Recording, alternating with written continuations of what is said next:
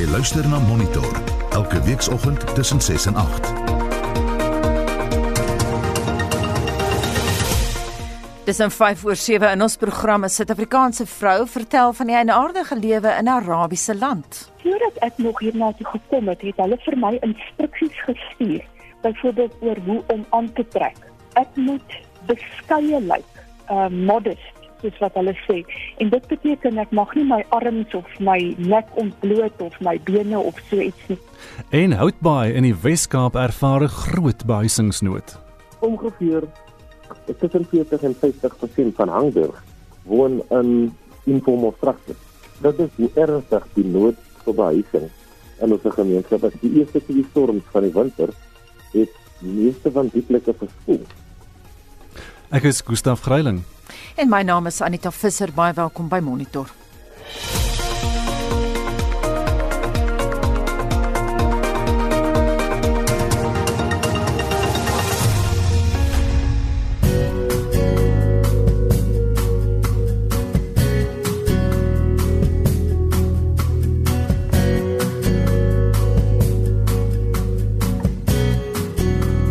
Die weer vir vandag is uitgereik deur die Suid-Afrikaanse Weerdienste. Lyk soos 'n mooi winters mooi weerdag oral in Gauteng mooi weer. Pretoria word 19, Johannesburg en Vereniging word 17 grade vandag. Mbombela in die Laagveld miskolle aanvanklik andersins gedeeltelik bewolk 21 daar. In Limpopo, Polokwane is gedeeltelik bewolk in die middag 20 grade. Die Noordwes-provinsie is mooi weer, Mahikeng is 21 en Vryburg word vanmiddag 19 grade. Die Vrystaat en die Noord-Kaap is ook mooi weer. Bloemfontein 17, Kimberley 19 en Appington is ook 19 vandag. In die Wes-Kaap bewolk, die wind is lig tot matig wes, Kaapstad word 16 en in George bewolk met enkele buie. Die wind matig wes tot suidwes, 20 grade in George. In die Oos-Kaap gedeeltelik bewolk, maar dit word bewolk en enkele reënbuie in die aand. Die wind is sterk wes, maar dit word matig oornag, 20 grade in Port Elizabeth en 21 in Oos-London. Aan die ooskus ook mooi weer. Die wind is matig wes tot suidwes. Durban is 23, Richards Bay ook 23 en Pietermaritzburg word 21 later. En dis die weer uitgereik deur die Suid-Afrikaanse Weerdiens. Vir nog inligting kan jy gaan na hulle webwerf weathersa.co.za. Die finansiële aanwysers op moneyweb.co.za, die JSE se indeks van alle aandele, het Vrydag effens laer gesluit 0,49% laer op 53648 punte. Die enigste ligpunte was die goudmyne indeks 0,17% hoër en die nywerheidsindeks 0,09% hoër, maar die ander almal taamlik laer, die finansiële indeks veral 2,13% laer. Kommoditeitspryse vir môre goud staan op 1771 dollar en 47 sent per fyn ons. Platinum op 804 dollar per fyn ons en die prys van 'n vat Brent Noordsee olie is vanmôre 40 dollar en 73 sent. Die wisselkoerse die rand teen die Amerikaanse dollar R17.29 teen die euro is dit R19.34 en 'n Britse pond kos vanmôre R21.27 en dis die finansiële aanwysers op monitor.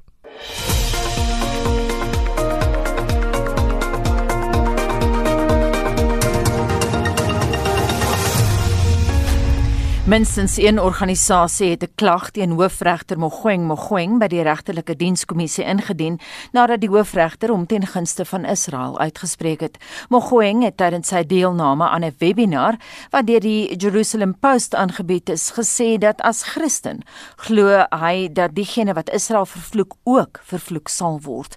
Versoeke dat hy die uitlating moet terugtrek is aan toeneem. Hoofregter Mogoeng Mogoeng het 'n Bybelvers aangehaal en gesê as 'n Christen is hy verplig om Israel lief te hê. The first base I give is in Psalm 122, verse 6, which says, Pray for the peace of Jerusalem. They shall prosper that love thee. And three, also Genesis 12, verses 1 to 3, that says to me as a Christian, that if I curse Abraham and Israel, God, the Almighty God, will curse me too. So I'm under an obligation as a Christian to love Israel, to pray for the peace of Jerusalem, which actually means the peace of Israel. Die organisasie Africa for Palestine het bevestig dat 'n klagte reeds by die regterlike dienskommissie ingedien is. Die direkteur van die organisasie, Mohammed Desai, verduidelik: Uh, the first is that judges are supposed to avoid entering into political controversies. Uh, this is a very clear uh, article of the Code of Conduct. But secondly, uh, you, you, are quite correct that there is currently a matter dealing with Israel and Palestine that is in front of the Constitutional Court. And even more problematic, the Chief Justice was a presiding judge during the hearing just a few uh, weeks ago. And so this is the problem that we are articulating in our complaint to the Judicial Service Commission. 'n Regsgeleerde, advokaat Ben Winks, glo dat regters nie afsonderlik van hulle kommentaar gesien kan word nie, al is dit in hulle persoonlike hoedanigheid. That the Judicial Code of Conduct which Chief Justice Mogoeng developed and published himself um says that among other things uh, judges must not unless it's necessary for the discharge of judicial office, become involved in any political controversy. And this applies to their work within and outside the court because judges need to be seen to be um, above or beyond political controversies so that people of all political stripes can feel that they have a fair hearing before any judge of a South African court. Dit lyk of politieke partye verdeel is oor die saak. Die regerende ANC sê in 'n verklaring dat hulle diep bekommerd is oor Mogoeng se uitlatings. Die party het die spreker van die parlement gevra om op 'n hoë vlak met die hoofregter te praat. Maar Nkoleko Glengwa van die IFP sê egter Mogoeng het die reg om hom as 'n burger van die land uit te druk. To have a knee-jerk reaction to the Chief Justice's comments and analysis on the matter without taking in the fundamental issues which are important to the discourse that he is raising in itself is a myopic and ignorant view on the part of those who seek to attack the Chief Justice. We therefore fundamentally believe that South Africa coming out of its own history um, of apartheid should actually um, be a negotiator which brings a constructive um, input on this matter. Die EFF sê in 'n verklaring dat daar nie 'n hoofregter in Suid-Afrika sou gewees het as dit nie vir boikotte en sanksies teen apartheid was nie. Hulle het ook 'n beroep op Mogoeng gedoen om sy stellings oor Israel terug te trek. Hierdie bydra van Nomaliso Mandela van ons politieke redaksie en ek is Hendrik Martin vir SAK nuus. Dis nou 14 minute oor 7 en ons bly by die storie en praat met die dekaan van die skool vir sosiale innovasie by die Huguenot College, professor Erwin Swela. Erwin, goeiemôre. Môre Gustav. Was dit vir Mogoeng geoorloof om uitlatings oor die politieke situasie in Israel te maak? Wel as uh, hoofregter Mogoeng Mogoeng gepraat het as 'n privaat burger, as 'n gewone landsburger, dan het hy absoluut die reg om 'n politieke mening te hê, ehm um, natuurlik binne die perke van die wet en ehm um, op 'n oorwoë mening. Maar as die hoofregter van die land hoort hy nie sulke uitsprake te maak nie en daar's baie goeie redes daarvoor. Die redes is doodgewoon, ehm um, miskien daarin geleë as 'n mens gaan kyk na die simbool van geregtigheid uh die die justitia simbool nee dan kan 'n mens sien dis 'n vrou wat geblinddoek is en sy het die skale van geregtigheid in haar hand en sy het 'n swaard. En dit beteken eintlik dat daai simboliek sê dat hier is 'n magtige instelling in die samelewing bekleed met sterk simboliese gesag wat 'n objektiewe wyse benadering moet volg tot die punt van geregtigheid En dan beteken dit eintlik dat die hoofregter het wel die reg om in sy privaat gesprekke, in sy direkte kringe 'n mening te hê. Maar sodra die mening in die openbaar uitgespreek word, dan het dit en kan dit nie anders as 'n is die persepsies op sy objektiviteit nie. Gestel nou maar die hoofregter moet op een of ander manier betrokke raak in 'n saak en dis nie ondenkbaar nie wat daarop gerig is om reg te spreek oor iets wat te maak het met die met die met die interaktiwiteit met die Israel Israeliese situasie dan kan hy om eintlik nie objektief daaroor uitspreek nie. So my oor verboë mening is is dat regters, nie net hoofregter Mogoeng Mogoeng nie, behoort hulle te weerhou van uitsprake oor kontroversiële sake wanneer hulle optree as regters en in die openbaar. Kan nie 'n goeie ding wees die integriteit en vir die legitimiteit van die van die van die van die regstelsel. Moet hulle wegbly van alle omstrede kwessies af? Waar begin en eindig hulle vryheid van spraak en en wie maak daardie besluit met hulle self dit bepaal? Hulle vryheid van spraak as gevolg van die amp wat hulle beklee is wat openbare aangeleenthede betref nog steeds in stand wanneer hulle dit in hulle kleiner kring bespreek. Maar sodra hulle in openbare en dis natuurlik nou 'n moeilike toets, nê? Nee, want as jy nou as 'n as 'n Christen gelowige en ek maak geen uitspraak oor ehm um, op hierdie stadium eh uh, die die die substantiëre aspekte van sy uitsprake nie. As jy as 'n Christen gelowige met 'n klein groepie daaroor praat of in jou gebed daarmee omgaan, is dit een ding. Maar as jy openbare gehoor of voor openbare gehoor optree, dan moet jy bitter versigtig wees. So die toets hier is nie net die die bedoeling nie en jou eie standpunt nie, maar ook hoe jy dit uiteindelik bekend maak op die publikasie van daai standpunt. Jy het die reg om 'n mening daaroor te hê. Dis 'n ander vraag, want dit is 'n ander stel funksionaliteite en 'n ander stel oorwegings of jy daai reg het om dit in openbaar en veral in 'n in 'n in 'n plek openbaar te maak waar dit baie hoorbaar en sigbaar gaan wees en waar dit 'n impak nie net op sieninge van jou objektiviteit sal hê nie, maar wat 'n onverwendbare oorspoeleffek is oor of die regbank gesien word as objektiviteit. En daarvoor moet daar baie versigtigheid wees. As 'n jong amptenaar ek self 'n uh, baie wyse mentors gehad. Een van ons mentors het het altyd vir ons gesê 'n openbare amptenaar en veral senior openbare amptenaar en in die sin is die regte openbare amptenaar het eintlik nie die reg om in die openbaar 'n mening uit te spreek oor 'n openbare aangeleentheid nie. Jy sê dit nie in die openbaar. Mhm. Mm ons weet Mogoeng is 'n diep gelowige mens natuurlik, soos jy nou gesê het. Uh, ons ons het hom gesien altyd by die opening van hierdie huidige parlement. Het vir 3 minute lank daar gebid by die by die speakers se stoel by die inhuldiging van Cyril Ramaphosa ook natuurlik. Dink jy sy sy gelowige, sy godsdienstige uh godsdienstigheid beïnvloed sy politieke sienings? En en is dit 'n probleem ook? Dis dit is 'n baie moeilike een want um, ons is almal mense, ons het ons het diep waarde georiënteerde oortuigings. Ek het stel oortuigings en regter Mogoeng Mogoeng het ook hierdie oortuigings. En 'n mense daarvoor begrip. Daar is sekere stelle oortuigings, um, kom ons stel dit so, terwyl daar 'n groot mate van ooreenstemming is tussen sê maar die waardes van watter geloof jy ook al aanhang en die waardes van die regstaat as jy 'n regter is, dan is daar mos nie 'n spanning nie. Dan dan in 'n sekere sin vul die een standpunt daar standpunte die ander stel standpunte aan. Maar daar mag uitsonderingsgevalle kom en veral in komplekse samelewings soos ons in waar daar 'n verskeidenheid mense is wat ook verskillende sieninge het. Um, en daai waardes kan dan beteken veral as jy baie ernstig daaroor voel en verder ook as jy 'n regsprekende amptenaar is, voel jy moet daaroor praat in openbaar wat ek reeds gesê het ek dink nie aan te beveel is nie. Dan kan daar spanning en konflik kom. So jy het eintlik weer eens een van hierdie goed wat 'n dilemma is, eh uh, Gustaf.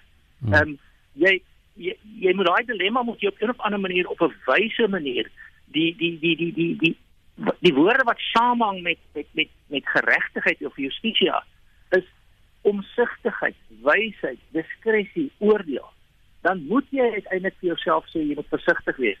Nou dis moeilik vir mense wat sterk geloofsoortuigings het. En ek het begrip daarvoor. Maar jy moet nog steeds aanvaar dat jy moet hier twee stelle waardes met mekaar op 'n wyse en omsigtige manier probeer versoen. Daar's natuurlik baie mense wat hom ondersteun en wat bly is dat daar iemand is met sulke sterk geloofsoortuigings in daardie hoë amp. As die geloofsoortuigings in 'n soort kongruensie en 'n soort uh, 'n ooreenstemming is met die waardes van die hoë amp. Uh, regter Mogoeng Mogoeng het 'n fundamentele konflik nou in sy situasie. En uh, uh, uh, ek probeer nie daarmee regter Mogoeng Mogoeng afstraaf nie. Maar daar is stelle waardes wat vereis dat hy nie sulke uitsprake sal maak nie omdat dit sy posisie en sy simboliese rol wat ook 'n simboliese rol is, het 'n baie sterk uh, reële rol, maar omdat dit beïnvloed. Hy het nou 'n dilemma, hy moet die hele tyd daai goed afweeg. En as hy uiteindelik besluit dat hy nie met sy gewete kan saamleef deur nie sy en weer eens hoor my mooi ek kraak dit nie af die die eindigste lewe nie dan moet hy dit baie ernstig oorweeg om dan maar voluit in die bediening in te gaan of in 'n vorm van van ehm um, kom ons sê dan op disipelskap wat ook al die betrokke konstruksie is daar en nie die hoofregter van die land nie. Ehm um, dit wys ook natuurlik die vinnige reaksie van die ANC na sy webinar wys ook dat die Palestynse kwessie hier in Suid-Afrika natuurlik baie sensitief is. Kan jy gou verduidelik hoekom dit so is? Wel, daar is 'n uh, 'n lang uh, terloops net net op die punt en sonder dat ek nou by die wesentlike van die debat, daar is selfs onder Christene nie presiese ooreenstemming oor wat die rol is uh wat Christene en, en, en die verhouding wat Christene met met Israel behoort te hê. Daar baie ernstige verskillende sieninge oor wat Israel verteenwoordig, maar dis 'n diep gesprek uh dalk vir 'n ander dag. Uh binne Suid-Afrika is daar sterk bande tussen die Palestynse Bevrydingsorganisasie en die ANC uh, wat hulle self uh, beskou as bevrydingsorganisasies en was daar ondersteuning, wederwysige ondersteuning. So die implikasie is daar's wederwysige lojaliteite en uh, daar is in elk geval ook sterk anti-partiese sieninge, sterk konfliksieninge teenoor Israel in die manifestasie van die Israeliese staat vanaf die kant van die ANC as gevolg van die perspektief of die persepsie wat bestaan dat die Israeliese staat in die tyd van apartheid die nasionale party en die nasionale party regering ondersteun het. So dis, dis eintlik op een vlak taamlik eenvoudig. Ehm um, die mense was ons vriende, die ander mense was ons vyande hm. en nou is die hoofregter van ons land wat onder andere die meerderheid van hierdie land uh, die politieke party wat die meerderheid ondersteun, die ANC, het nou 'n simpatieke siening van die staat Israel En ek dink daar 'n beskeiding. Onthou Israel se manifestasie in die teologie en in die godsdienst is nie noodwendig die staat Israel nie, maar dit is baie subtiele onderskeidings. Daarom juis is dit belangrik dat mense versigtig en met wysheid en omsigtigheid met hierdie goed moet omgaan en veral en spesifiek as jy 'n regsprekende amptenaar is en nog meer so as jy die hoofregter van van 'n land Baie interessante en baie komplekse kwessie. Dankie, dit was die dekaan van die skool vir sosiale innovasie by die Huguenot College, professor Erwin Schwelle. Europese en Midde-Oosterse diplomate is hard besig om te kyk hoe 'n eskalering van Libië se 9 jaar lange oorlog verhoed kan word. Die gebeure in Libië het skielik laasweek 'n nuwe dimensie gekry met Egipte se militêre toetrede tot die konflik, 'n stap wat tot verdere inmenging deur ander streeksmoonthede kan lei. Professor Dirk Coetzee van Unisa gee vanoggend sy siening oor hoe dinge moontlik daar kan uitspeel. Môre Dirk Goeiemôre Anita. Net kortliks, wat is die oorsprong van die konflik in Libië wat nou al byna vir 'n dekade lank voortduur? Ja, dit dit was deel van in 2011, deel van die uh, Arabiese lente en um, dit het natuurlik begin in Tunesië wat die buurstaat is. Daarvan het dit oorgespoel na Egipte toe, ehm uh, terselfdertyd na na Libië toe um, en ook na Sirië toe. So die twee lande waar dit nog steeds voortwoed in 'n groot mate um, is in Sirië en in Libië. Die regering van nasionale eenheid se soldate Dirk word nou gesteun deur Turkye terwyl Khalifa Haftar se Libyan National Army steun kry van Egipte, die Verenigde Arabiese Emirate en Rusland. So baie streeksmagte betrokke by die konflik.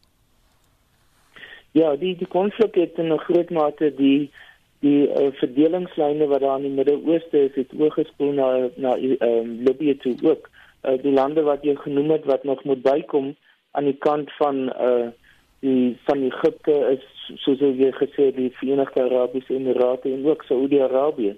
Um aan die kant van Turkye, die ander land wat daar is is Qatar.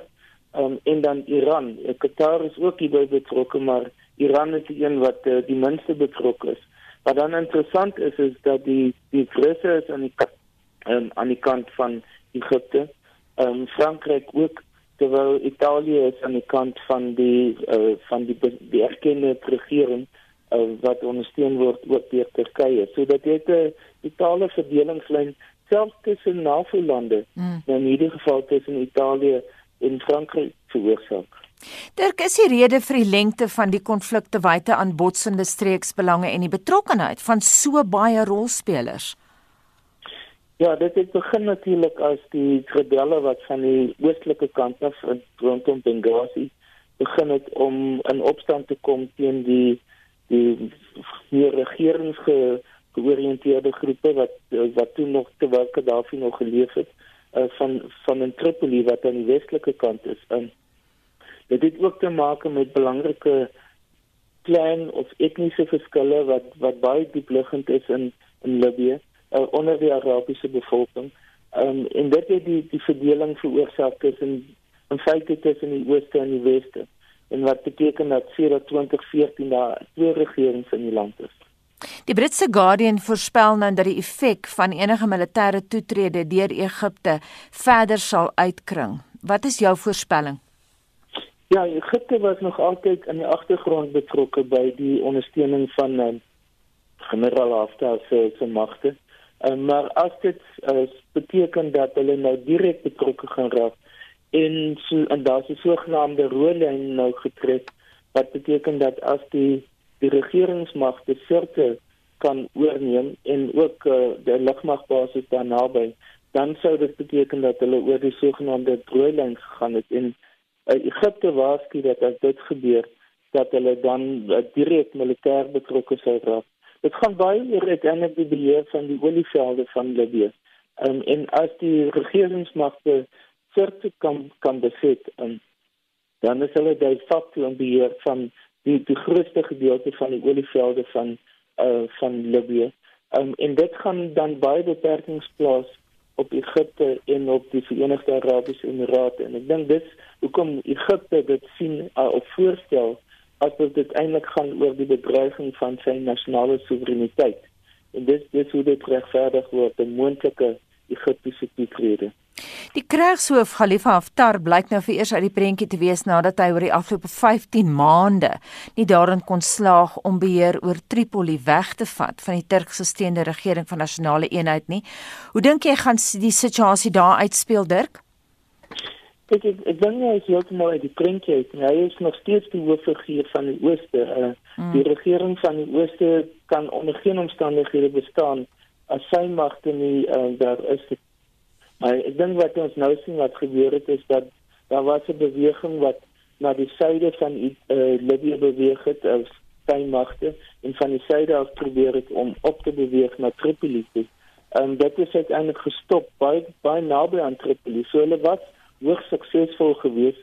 Die Russe was daarbey betrokke, maar die Russe het begin om om uh, ongevalle te onttree. Um, en dit was baie onpopulêr in die Russiese uh, uh, gemeenskap gewees of samelewing gewees. Dieselfde met met die Turke. Ja wat Turke is is veral intelligensie persone is ook dood in die proses. Um, en so in, in binneland in Turkye is dit ook baie onpopulêr. So daar's baie interne druk in die verskillende lande um, om hier om 'n wapenstilstand tot stand te bring. Wat ons gesien het is dat in Januarie verjaar het president Erdogan en president Putin Istanbul by mekaar gekom om te probeer om 'n wapenstilstand te onderhandel van die beide die twee kante. So Israel, uh, Turkye en en uh, Rusland is in 'n groot mate die twee hooffigure buite die onmiddellike omstandighede wat werklik die situasie bekleur. Net laasens Dirk, wie steun Suid-Afrika? Suid-Afrika ondersteun die regering van nasionale ooreenkomste, uh, want dit is die regering wat die Afrika Unie oor uh, erken en en wat die VN erken. So as gevolg daarvan is Suid-Afrika aan, aan daar aan die kant wat wat die westelike regering is in die westelike gedeelte van die land. Baie dankie dit aan die mening van professor Dirk Kotse van Unisa. Jy luister na Monitor elke weekoggend tussen 6 en 8. 7:30 die jongste nuus, sewe mense sterf en tientalle is beseer in 'n busongeluk gisteraand tussen Graskop en Origstad. Die departement van gesondheid wil die omkeertyd van COVID-19 toetse verminder tot onder 72 uur. En Houtbaai in die Wes-Kaap ervaar 'n groot behuisingsnood. Ongeveer tussen 40 en 50% van Hangburg woon in informal structures. Dit is hoe ernstig die nood vir behuising in ons gemeenskap as die eerste twee storms van die winter het die meeste van die plekke verspoel. Bly ingeskakel. Daar is geen verkeer. In Johannesburg druk verkeer op die R59 noordwaarts tussen Swartkoppiesweg en Redding Wisselaar. Die snelheid so 25 km/h, 9 minute vertraging staan van Alberton se kant af. Dan kyk ons na KwaZulu-Natal padwerk op die N3 ooswaarts na die Camperdown Wisselaar. Die linker skouer is gesluit, wees versigtig in daardie omgewing. Ook in KwaZulu-Natal druk verkeer op Higginson Hoofweg suidwaarts tussen Florence Nightingale en die N2. In Gauteng by Sebokeng is daar protesaksie op die N1 naby die R28 Randfonteinweg en die verkeer is swaar in daardie omgewing. Ook in Gauteng, die N1 noordwaarts tussen die R57 en 3 Ziek, die verkeer is stadig ook in daardie omgewing Pretoria. Daar is ook druk verkeer op die R80 suidwaarts tussen Britsweg en Bremerstraat en daar is so 16 minute vertraging in daardie omgewing. In Kaapstad 'n voertuig staan op die N2 inwaarts by Botchet's Quarryweg. Die noodbaan is versper, so wees versigtig in daardie omgewing. As jy weet van enigiets anders, kan jy vir ons 'n SMS aanstuur na 45889 en dit kos R1.50. Vincent Ons praat vandag oor die taksiebedryf um, wat 'n punt bereik het om nou teen 100% kapasiteit te werk en ook om oor provinsiale grense heen te reis en Anita, ons luisteraars het baie sterk menings, kom ons hoor gou. Môre ek sê hulle moet die taxi almal van die pad af verwyder want hulle is 'n ewel. Môre is veel. Ek ry nie taxi nie, maar ek ondersteun die taxis organisasies ten volle. Want dit is hoogtyd dat die regering gewys moet word dat die burgers van die land dit nie langer sal duld dat hulle regte vertrap word nie en dan moet hulle nog deur ons howe ook nog die toestemming gee om op die burgers se regte te trap. Maar al wat ons vandag vir die regering wil sê is what goes around comes around. So, hulle moet dit net onthou. Ag, die taxi-industrie gaan in geval daarmee wegkom want daar's geen law in hierdie land nie. So maak maar die baas so 'n begin die sigarette terug in gaan aan. Want hier is geen law in hierdie land nie. Almal doen soos hulle wil. So, wat is die verskil? Taxis is bo, die ander gebiede kan ook bo wees. Stuur asseblief julle menings vir ons deur. Ons wil julle vra, hoe voel julle oor die feit dat die taxi-bedryf teen 100% 100% kapasiteit kan werk, verskoon my, en ook oor provinsiale grense te reis, stuur jou SMS na 4589 teen R1.50 per SMS of gesels saam op facebook.com vorentoe skynstreep ZRSG. Jy kan ook 'n stemnota stuur. Hou hulle so 30 sekondes lank. Die nommer is 076 536 6961. Ek herhaal hom gou 076 536 6961. Dis 24 minute voor 8 jy luister na Monitor op RSG en ons maak ons gebruikelike draai op die sportveld saam met RSG se Pieter van der Berg. Môre Pieter.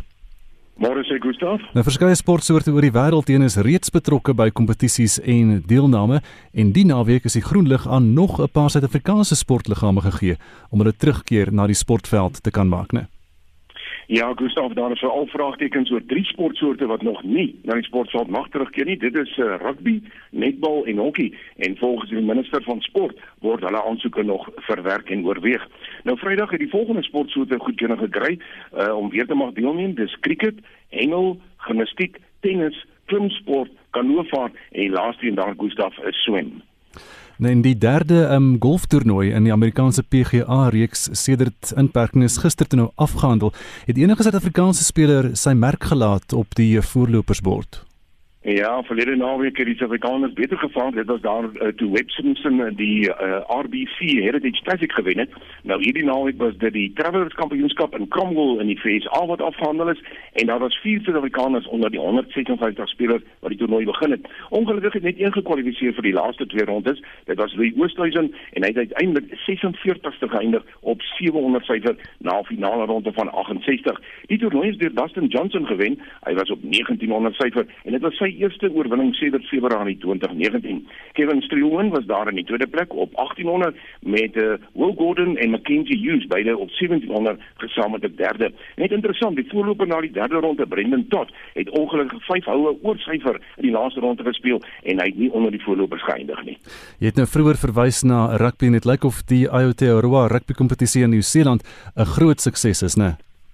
Ja, baie beslis dat 'n mens loer na die bywoningssyfer van die toeskouers asook die aantal punte tydens die eerste 3 wedstryde. Baie waar wat jy sê Gustaf. Nou uh, tydens die eerste naweek is 11-3 gedruk en 105 punte aangereken. Verlede naweek was daar 100 punte opgestapel met 8-3 wat gedruk was en hierdie naweek weer 82 punte wat bymekaar gemaak was. Nou die Blues het die Highlanders Saterdag met 27-24 getroof en dan was dit die Crusaders wat hulle 43ste oorwinning in hulle laaste 45 wedstryde op Roodhuisveld behaal het. Hulle die Chiefs met 18-13 die loof afgesteek. En op die punte leer is die Blues na die voorlopers, hulle het 12 punte, Crusaders is op 9, die Highlanders is derde met 5 punte, gevolg deur die Chiefs en die Hurricanes. Van rugby na sokker in die Engelse Premier Sokkerliga se kampioenspan is Liverpool. Hulle het donderdag aand reeds die titel hulle sin gemaak. Hoe lyk die uitslaa van die afgelope naweek? Ja, baie interessant daar eh, daar die span Liverpool het natuurlik nog sewe wedstryde oor gehad en dit was die eerste keer in 30 jaar wat hulle kon vermag om die titel te wen. Nou Saterdag in die Premier League het Wolverhampton Wanderers vir Aston Villa gekom met 1-0 en in die FA beker het Arsenal en Manchester United beide oorwinnings behaal. Gisterand was daar nog 'n paar wedstryde in die FA beker Man City wat vir Newcastle United met 2-0 geklop het. Chelsea reken af met Leicester City 1-0 en Arsenal klop vir Sheffield United met 2-1 in 'n weg wedstryd. En dan in die Premier League een wedstryd, dit was Southampton wat 'n wegoorwinning van 3-1 oor Watford behaal het. En dan Pieter Loer vir ons vooruit na wat hierdie week op uh, sportliefhebbers wag. Ja, vanaand in die Engelse Premier League, dis nou sokker, is dit eh uh, uh, Crystal Palace en Burnley wat gaan kragte met en dan behalwe die ander wedstryde die week in uh, die uh, Premier League, die Engelse Premier League, is dit Man City wat donderdag aand teen die nuwe kampioenspan Liverpool sal speel en daardie wedstryd is om kwart oor 9. Dan cricket Woensdag begin die eerste toets daar op Southampton tussen Engeland en die Wes-Indiese eilande. Golf donderdag is dit die Rocket Mortgage Classic in Detroit wat deel is van die PGA Tour wat afslaan en baie interessant Gustav Dillon vertel hy vanoggend nie goeie nuus vir Suid-Afrika nie. Hy is positief getoets vir COVID-19 en hy sal nie in die toernooi kan speel nie. En dan rugby komende Saterdag, die Highlanders teen die Crusaders en Sondag speel die Chiefs teen die Hurricanes en baie interessant vir motorentoesiaste, Sondag die eerste Formule 1 Grand Prix en dit sal wees in Oostenryk en daardie wedren word om 10:03 die middag gejaag. Alle jongste sportnuus baie dankie Pieter van der Berg van RSG Sport. En nou internasionale nuus gebeure, die aantal COVID-19 infeksies wêreldwyd het die 10 miljoen kerf oorgesteek volgens die Johns Hopkins Universiteit, dis nou in Baltimore, Maryland. Sowat 500 000 mense het ook reeds aan die virus gesterf. Esie de Klerk praat veraloggend hieroor en ander internasionale nuus. Môre Estie. Môre Anita, die helfte van die wêreld se koronavirusgevalle is in die FSA en Europa, maar gevalle neem nou skerp toe in die Amerikas. Die virus het ook 'n impak op Asië en Afrika waar skerp stygings eers teen einde Julie verwag word. 1 miljoen nuwe bevestigde gevalle is oor die afgelope 6 dae aangemeld. Die FSA het 'n totaal van 2,5 miljoen bevestigde gevalle en 125 000 sterftes, meer as in enige ander land in die wêreld. Amerikaanse deelstate waar inperkingsmaatreëls die afgelope weke opgehef is, veral in die suide, het rekordgetal nuwe infeksies aangemeld. Die stygings het amptenare in Texas, Florida en ander deelstate genoop om maatreëls weer te verskerp. Brasilië het die tweede hoogste aantal bevestigde gevalle met 1,3 miljoen en meer as 57 000 sterftes. En ten spyte van nuwe infeksies het Rio de, Rio de Janeiro aangekondig sokkerstadiums sal vanaf 10 Julie teen 1/3 kapasiteit vir toeskouers oopmaak. In China het Beijing gister 'n streng inperking ingestel na 'n nuwe uitbreking. Die nuwe president van Malawi, Lazarus Chakwera, sê sy verkiesing tot president is 'n oorwinning vir demokrasie en geregtigheid. Hy is die naweek as president ingehuldig. Ja, Anita Chakwera het met meer as 58% stemme in Dinsdag se verkiesing gewen en hy het aan die BBC gesê hy voel soos Lazarus wat uit die dood opgewek is. Die land was diep verdeeld in die maande wat die verkiesing voorafgegaan het. President Chakwera het gesê diegene wat hom nie ondersteun nie, het niks om te vrees nie. Hy gaan 'n nuwe Malawi bou. I'm no stranger to the benefits of good government. Although I was raised in a poor village like most Malawians, raised without inherited riches or political connections like most Malawians, raised without electricity or running water, like most Malawians. I stand here today because I had one of the blessings of God that a young Malawian today does not have. The blessing of growing up in a well governed Malawi. So I pledge to run Malawi well Die man daar aan die woord is die nuwe president van Malawi, Lazarus Chakwera en Essie de Klerk het vir ons hierdie internasionale nuusoorseig saamgestel. Jy luister na Monitor op RSG en die DA raadslid in Hangberg by Houtbaai, Roberto Quintas, sê hy het 'n wetlike verpligting om wet en orde te handhaaf. Dit is nadat 'n kleuterskool Vrydag die 19de Junie in die woonbuurt afgebrand is. Maar die gemeenskapsaktivis Lee Smith sê hulle wag nou al te lank vir behuising. Mitsi van der Merwe doen verslag. 'n Gemeenskapsaktivis van Hangberg en Houtbaai, Lee Smith, sê die behuisingsnood is groot in die informele sektor. Ongeveer tussen 40 en 50% van Hangberg woon in informele structures. Dit is hoe ernstig die nood vir behuising in ons gemeenskap. As die eerste twee storms van die winter het die meeste van die plekke verspoel. Mense lewe al vir 10 jaar sonder water en elektrisiteit. Dit is erg dit is. Hulle maak kinders groot sonder water en elektrisiteit. Smith beweer dat die munisipaliteit se prioriteit te verkeerd is en dat hy nie die Hooggeregshof beslissing van 2011 nakom nie. En hoe meer ons vir die city sê, ons maak nie voetpaadjies en buite toilets en ligte nie. Daar's 'n Hooggeregshof bevel wat sê julle moet al lank al vir ons begin te dien het namens behuising om meer te naïsief. Dit gaan oor 'n hofbevel van 2011 wat 'n vredesverdrag daar gestel het tussen die partye om met die hulp van bemiddeling die behuisingsprobleem op te los. Volgens Smith is die verpligting van die gemeenskap dat hulle nie onwettig mag bou nie. Maar Smith sê die munisipaliteit sleep sy voete. Vir meer as 10 jaar het hulle een blokflat gebou en die res is net 'n klomp ekskusies. Die gemeenskap se probleem is hierdie peace mediation forum leiers wat die CPF dan aangestel het. Dit word gesê dat hulle verteenwoordig die gemeenskap maar hulle verteenwoordig net die gemeenskap. Volgens Smith kry die leiers nie 'n mandaat van die inwoners nie. Jan Loos is 'n gemeenskapsleier in Hangberg. Ek verteenwoordig die groep van die rental, dat is die single blocks. Elke leier is is gekies uit sy blok uit. Jy het jou rypies en jy het die informer. Rypies is ook verdeel in sections en ons verstaan mense, even ek myself, right? Ons verstaan dat ons emosies met dit van jy word 'n persoon se plek afgebreek waar dan mense en dit is die eerste keer wat hulle op afbreek het was daar nie mense in gewees. Maar toe um, bou hy selfe mense op dieselfde plek en toe kyk hulle sommer aan. En dit is 'n bietjie hartseer waar you know, daar was ook kinders in Boba wat 'n bietjie geheel het. Die mense sê Louis het geweet hulle bou op 'n plek wat ander mense se regte benadeel. Ek sê nie wat wat gedoen geword met die persoon se plek wat afgebreek het. Moet in 'n aggeneem word. Nie. Maar in die eerste plek moet ons dan soms met dan kyk jy man, as dit 'n probleem is, en nou so reg word dit weer ou nie, gebou op 'n plek waar jy weet Nee, ik ga het grappelen worden. Want ik heb gezegd, die pien is een support. Maar boven op plek waar je weet, as jy 'n probleem waar ons wil kan uitwys. Volgens Loos is die probleem dat politiek oral ingesleep word. Daar is baie meetings laat gekom. Die tyd wat Patricia nog in Meier gewees het. Dit hulle kom bespreek vir almal die gronde wat hier gebeur en daar gebeur. Maar as jy net sê politiek deel in ja vergadering en dit maak mense moeg om na vergaderings toe gaan want dit is 'n power play. Alles is 'n power play in hierdie gemeenskap. En dit is ook op ons wat sê dit wanneer daar iets gebeur in 'n section dan roep jy net 'n meeting met daai section dan het jy minder politiek wat inkom. Ander mense wat buite kan wat baie te sê en sê dat hy net daar bly. Louis sê dit het tot gevolg gehad dat valse sake teen die leiers gemaak is. Iemand sien aan die media te bring William na 2010 daar was valse sake gemaak teen ons.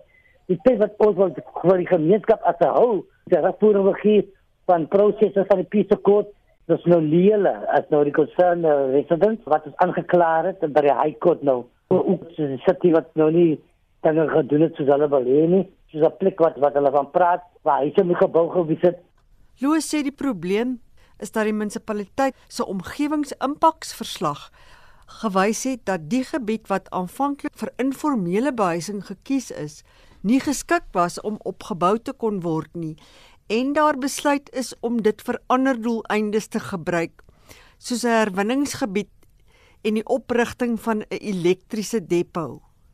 Die probleem het ontstaan toe die kleuterskool op 19 Junie afgebrand is.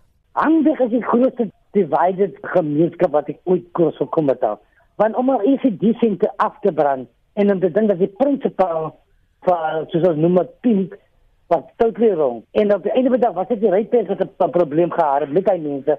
Al was dit die prinsipaal wat gesê die die loopvoet met inkom die prinsipaal van die ICD wat dit gesê het. Die, maar op die einde van die dag word akres afgebrand, you know. Dit kry dit baie kinders. Mm. Hy sê dit die dag te wil maak en die week gebeur dit.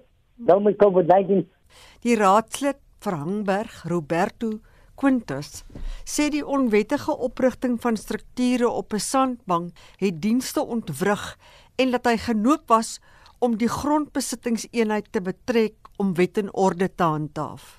Residents on Hangberg for quite some time had been complaining about the ongoing illegal building.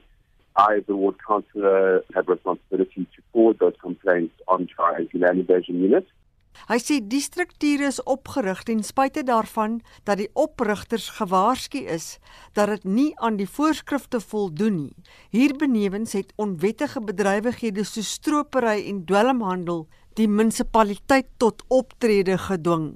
The 19th it required previously said actually been a demolition of the sand builders with the joint up and during the week they legal builders continued to rebuild within communities. Which um, resulted in going a second time to, to demolish the structure a second time. And unfortunately, that led to a wholesale riot, which included the burning down of a creche and the attacking of a electricity depot. Die elektriese depo is op 'n gebied gebou waar huise nie opgerig kan word nie, aldus raadslid Quantus. Hierbenewens is die doel van die elektrisiteitsdepo om alle inwoners van Houtbaai se dienslewering te verbeter. Maar sê Quantus dat dit uiteindelik geweld uitgebreek en die munisipale amptenare is aangeval toe hulle die wet wou toepas. And that resulted in public order policing and the theft as well as a city law enforcement from having to resort uh, very unfortunately to the use of rubber bullets and stun grenades to disperse those that were attacking services. And the most recent one resulted in wholesale riots, which included arson and, and attacks on both officials. And in fact, there was somebody inside one of the containers at the crash who had flared shot at it and it was set alight with somebody inside. Volgens Qantas is dit die bouery op die sandbank wat die dienste beduiwel het. Tog hou die gemeenskapsaktivis Lee Smith vol dat die kleuterskool ook op die sandbank gebou is en net so onwettig is. Ja, dit is gebou op 'n sandbank en baie van ons so sogenaamde onwettige strukture is gebou op areas wat 'n mens kan sê is nie die beste areas vir bou nie. Maar wat ek hier is die gemeenskap. Verstaan? Want hierdie sandbank wat hulle nou van praat om vir die waarheid te sê wat goed genoeg vir die city se crash om daar te staan op. Die vrou wat die crash besit is 'n lid van die Peace and Mediation Forum. So vir hulle wat sit in vergaderings met die city wat veronderstel is om vir ons te verteenwoordig, hulle kan onwettig bou en dit kan dan wettig gemaak word. Raadslid Roberto Quintas wys daarop dat die oproeriges in die gemeenskap 'n klein groepie is. Know, when people say the community of Hamburg is protesting or rioting, you must remember that there are roughly about 15 to 20,000 people living in that area. The protests, by and large, are led by maybe a group of 30 to 40 people of the top are around about the age of 15 years old. And I think it's quite an unfair condemnation on the community of Hamburg when reports come out saying the community of Hamburg is in protest. Die gemeenskapsleier Jan Loos gee ook toe dat dit 'n klein groepie jong mense was wat vir die geweld op 19 Junie verantwoordelik was.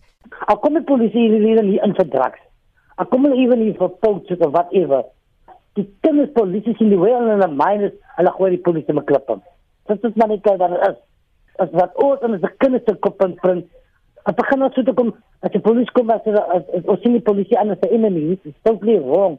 Perception. Mitsi van der Merwe, SAK nuus.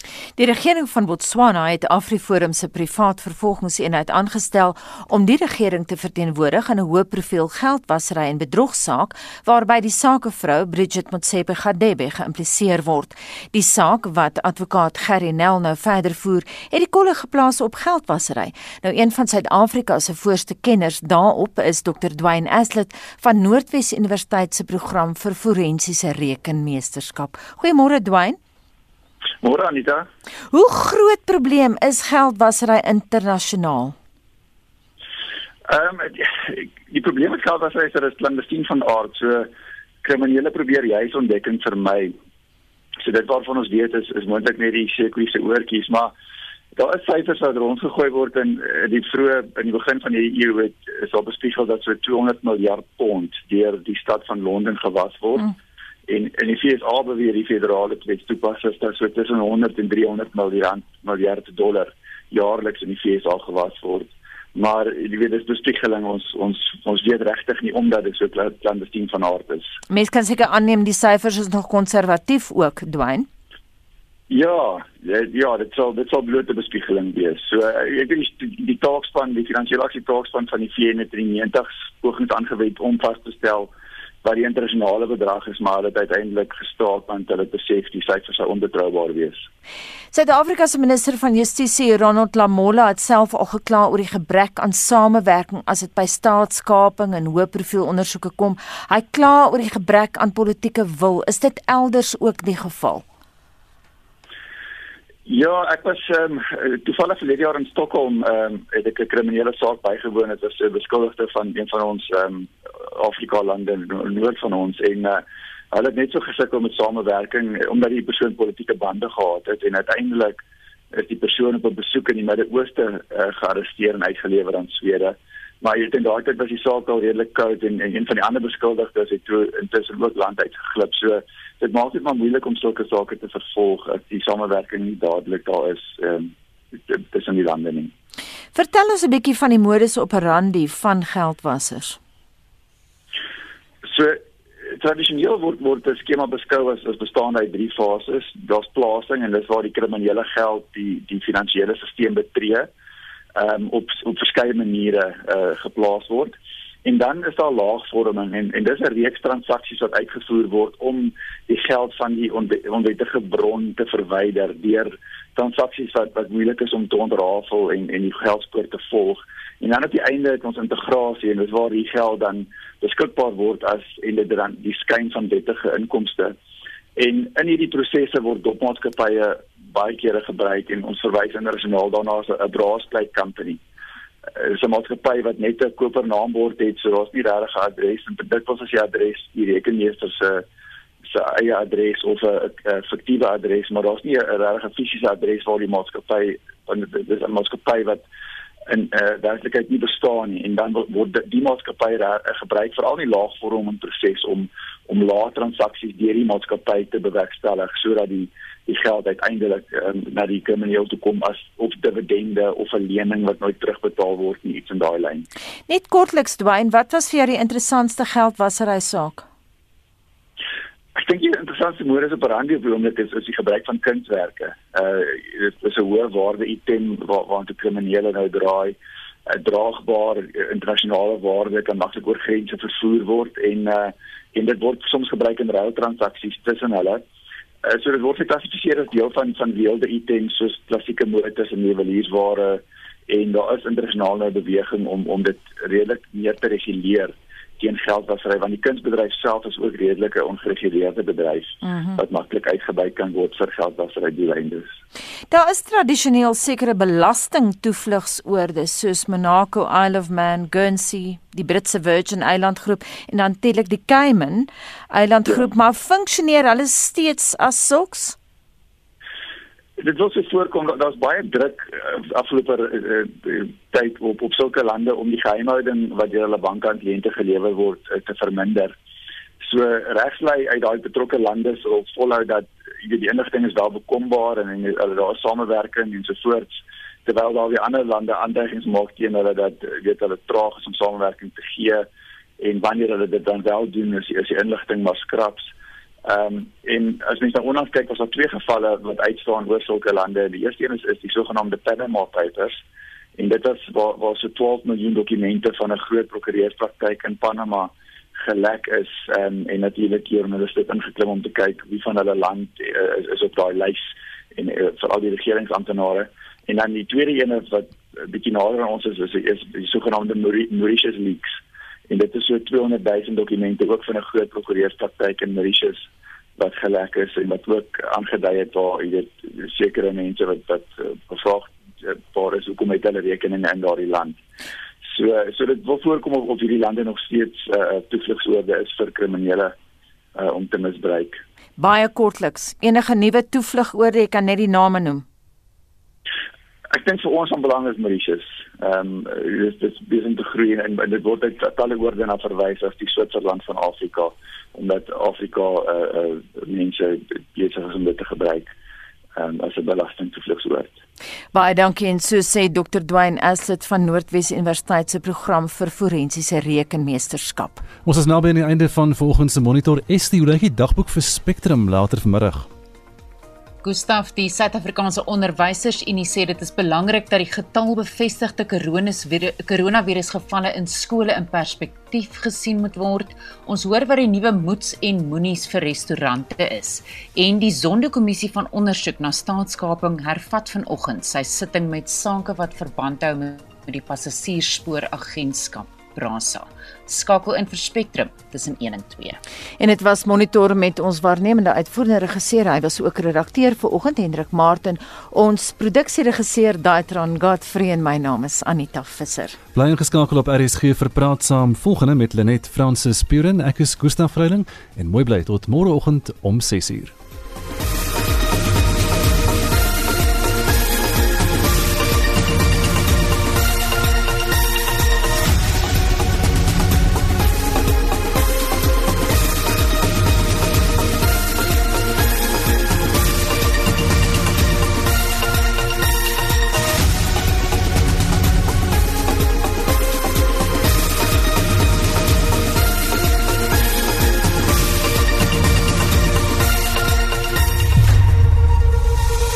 SAK nuus. Onafhanklik, onpartydig.